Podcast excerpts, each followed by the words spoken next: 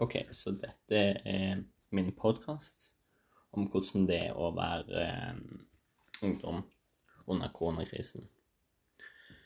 Um, så det er jo ganske spesielt, da. Starta jo i tiende. Ble plutselig beskjed at uh, vi skulle hjem, og at de trodde ikke at vi skulle komme tilbake igjen på skolen neste dag. Så da ble det jo til da at vi var på skolen fra jeg var hjemme.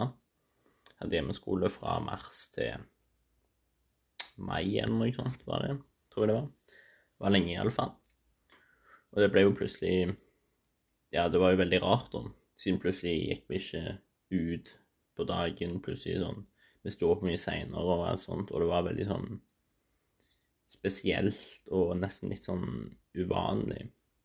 Og at vi møtte liksom mindre folk, fordi vi snakket jo fortsatt med venner og sånt, men vi snakket jo ikke med alle i klassen på en måte. Så Men så har jo vært litt sånn forskjellig for alle. Noen liker jo hjemmeskole, andre liker det ikke. For noen er det krasjer familie med hverandre fordi noen jobber, og så de har ikke nok rom til at alle kan jobbe på forskjellige rom og sånt.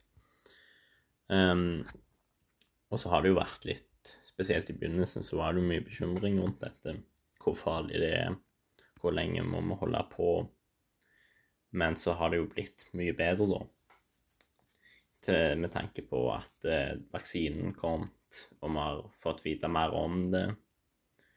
Og at det rett og slett har vært mulig å leve mer normalt òg, fordi vi har funnet ut at vi må ha meter og munnbind og sånt, og da har det blitt lettere å leve litt mer normalt igjen, i alle fall. Så åpna jo skolen til slutt og sånt, og så har det jo vært litt røde nivåer og sånt, men det har jo vært ganske spesielt og veldig mye nytt. Det er vel ingen som lever har mest sannsynlig opplevd dette gang. Jeg var jo spanskesyken, og det er jo 100 år siden. Så ja, spesielt. Spesiell situasjon.